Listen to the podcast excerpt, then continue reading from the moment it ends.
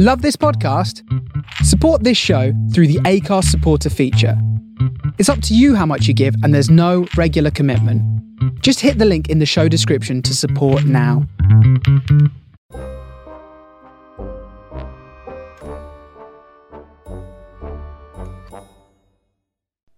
Hallo allemaal en welkom bij Reis door de Tijd, waar we het vandaag gaan hebben over Vincent van Gogh. Vincent van Gogh is een van de bekendste schilders uit de Nederlandse kunstgeschiedenis en de kunstenaar is wereldwijd bekend. Niet alleen zijn zijn kunstwerken ook echt wereldberoemd, maar ook het dramatische leven van de kunstenaar staat nog altijd volop in de belangstelling. Een paar van zijn bekendste werken zijn De Sterrennacht, dat is ook mijn favoriet, De Zonnebloemen en Café Terras bij Vincent van Gogh werd geboren op 30 maart in 1853 in het Brabantse plaatsje Zundert, als zoon van Theodorus van Gogh en zijn echtgenote Anna Cornelia Carbentus. Zijn vader was de dominee van de hervormde kerk in het dorp. In de omgeving van de pastorie zouden de kinderen van Gogh vrij beschermd zijn opgegroeid. Streng christelijk was huisvader Theodorus niet, hij hing de Groninger richting aan en dat was een vrij gematigde stroming binnen de hervormde kerk. Hoewel Vincent zijn hele leven doorging als het oudste kind, werd er voor hem eigenlijk al wel een kind geboren. Exact een jaar voor zijn geboorte beviel zijn moeder Anna voor het eerst. De baby, een jongen, werd doodgeboren. Op zijn grafzerk op de kleine begraafplaats van Zundert staat de naam Vincent van Gogh geschreven. Of Vincent deze gebeurtenissen als een last op zijn schouders heeft ervaren is onduidelijk, maar er is wel een kans dat dit het geval is. Verder had Vincent nog drie zussen, Anna, Wilhelmine en Elisabeth, en nog twee broers, Theo en Cor. Op 16-jarige leeftijd vertrok Van Gogh naar Den Haag om te gaan werken voor de Haagse vestiging van de Franse kust- en prentenhandel Gaupel en Cie. Hij had hierbij een kruiwagen en zijn oom was medevernoot van het bedrijf. In deze periode begon Vincent met het schrijven van zijn brieven naar zijn broer Theo. Hij zou dat zijn hele leven blijven doen. Vincent werkte hierna ook enige tijd bij vestigingen van de kunsthandel in Parijs en Londen.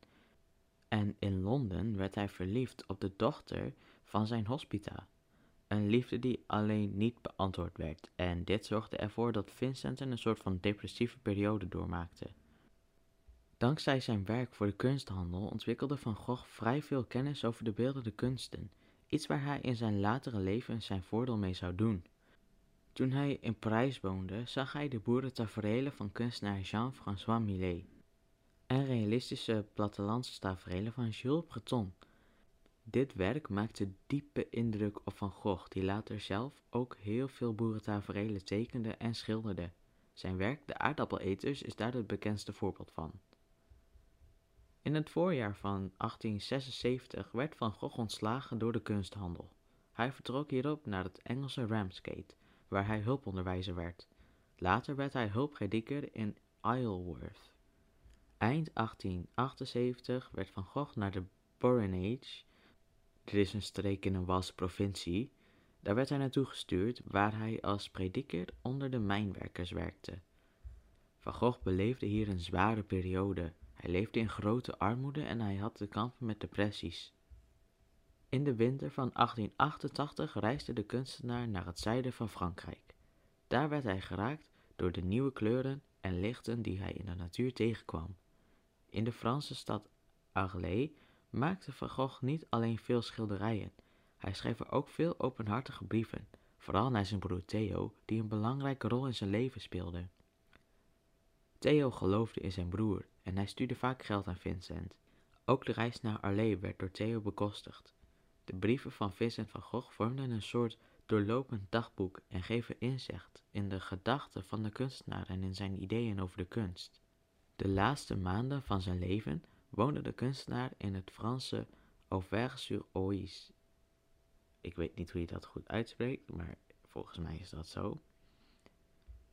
Artistiek gezien was hij zeer productief hier. Van Gogh voelde zich over het algemeen prettig in de plattelandsomgeving en zijn arts, Dr. Gachet, adviseerde hem om zich in deze periode vooral op de schilderkunst te concentreren en niet zozeer op zijn ziekten.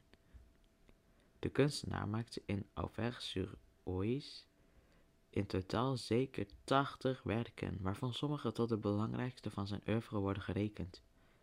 In Frankrijk maakte Van Gogh kunstzinnig gezien een zeer goede tijd door, maar met de kunstenaar zelf ging het minder goed. Hij maakte depressieve periode door en hij moest zich een jaar lang laten opnemen in een zenuwinrichting. In de afgelopen 120 jaar hebben al een paar psychiaters zich gebogen over de gezondheidstoestand van de schilder. Of er een verband is tussen Van Goghs kunst en de krankzinnigheid blijft echter een moeilijke vraag om te beantwoorden. In de perioden dat het psychisch slecht met Vincent ging, begon hij steeds meer en sneller te schilderen, naar eigen zeggen om het snelle voorbijgaan van de dingen in, de moderne, in het moderne leven uit te drukken. Het ging de kunstenaar er niet om om de zaken precies zo weer te geven als ze aan hem verschenen.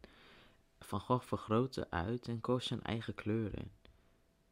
Onderzoek van TNS Nipo toonde in 2010 aan dat de kunstenaar bij de Nederlandse publiek tegenwoordig vooral bekend is om zijn afgesneden oor. En op de vraag waar denkt u aan bij de schilder Vincent van Gogh, noemde maar liefst 50% van alle ondervraagden het afgesneden oor. En daarnaast scoren kunstschilder en zonnebloemen hoog. Lang werd gedacht dat de kunstenaar niet zijn hele oor afsneed, maar slechts alleen een oorlel. Maar recent dook uh, in het archief van schrijver Irving Stone echter een notitie op van Dr. Felix Ray, de arts die Van Gogh behandelde. Daaruit blijkt dat Vincent van Gogh daadwerkelijk zijn hele oor afsneed. Er is ook wel eens beweerd dat Van Gogh niet zelf zijn oor afsneed, maar dat de Franse kunstschilder Paul Gauguin dat tijdens een ruzie deed. Gauguin, die in Arles enige tijd samenwoonde met Van Gogh, schreef in zijn biografie overigens al dat het hele oor werd afgesneden. Anderen, waaronder schilder Signac en de weduwe van zijn broer Theo, melden echter dat het slechts om de lel ging, waardoor er onduidelijkheid bleef bestaan. In juli 1980 maakte de kunstenaar een einde aan zijn leven. Volgens sommige berichten schoot de kunstenaar zich in een korenveld bij Alver met een revolver in zijn borst. En hierna raakte hij buiten bewustzijn. Toen hij weer bijkwam, ging de kunstenaar op zoek naar de revolver om het karwei af te maken. Van Gogh kon het wapen echter niet meer vinden en hij strompelde hierna naar de herberg waar hij verbleef. Dertig uur later overleed hij daar aan zijn verwondingen. Een half jaar later stierf ook zijn broer Theo. Vincent en zijn broer liggen naast elkaar begraven op de begraafplaats Auvers-sur-Oise. Niet lang na de dood van Vincent en Theo reisde de weduwe van Theo terug naar Nederland. Ze bracht ook een aanzienlijk aantal schilderijen van Van Gogh mee en ze verkocht zo nu en dan ook werken van haar zwager, maar heel veel geld bracht dit niet op. In 1905 organiseerde het Stedelijk Museum in Amsterdam een, in een solo-tentoonstelling veel werk van Vincent van Gogh en belangrijk voor de waardering was Helene Kruller-Müller. Deze vrouw was gecharmeerd door het werk van Vincent van Gogh en ze beschouwde hem als een van de grote geesten van de moderne kunst.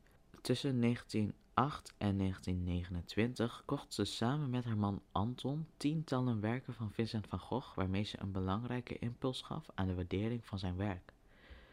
Het huidige Krullenmuller Museum heeft maar liefst 90 schilderijen en ruim 180 tekeningen van Van Gogh in zijn collectie.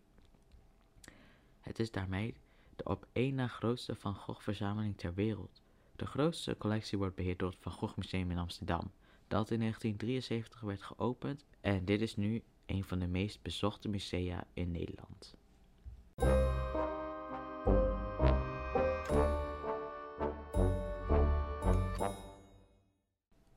Dankjewel voor het luisteren allemaal. Als jullie dit leuk vonden, laat het mij gerust weten, want ik vind het zelf heel interessant. Ik vind kunstgeschiedenis heel leuk. En Vincent van Gogh was een van mijn favoriete schilders. Dus natuurlijk moest het over Vincent van Gogh gaan. Uh, als jullie meer schilders hebben of een andere soorten kunst dat jullie graag willen horen, ik sta open voor suggesties. De DM's op Instagram zijn altijd open en tot volgende week.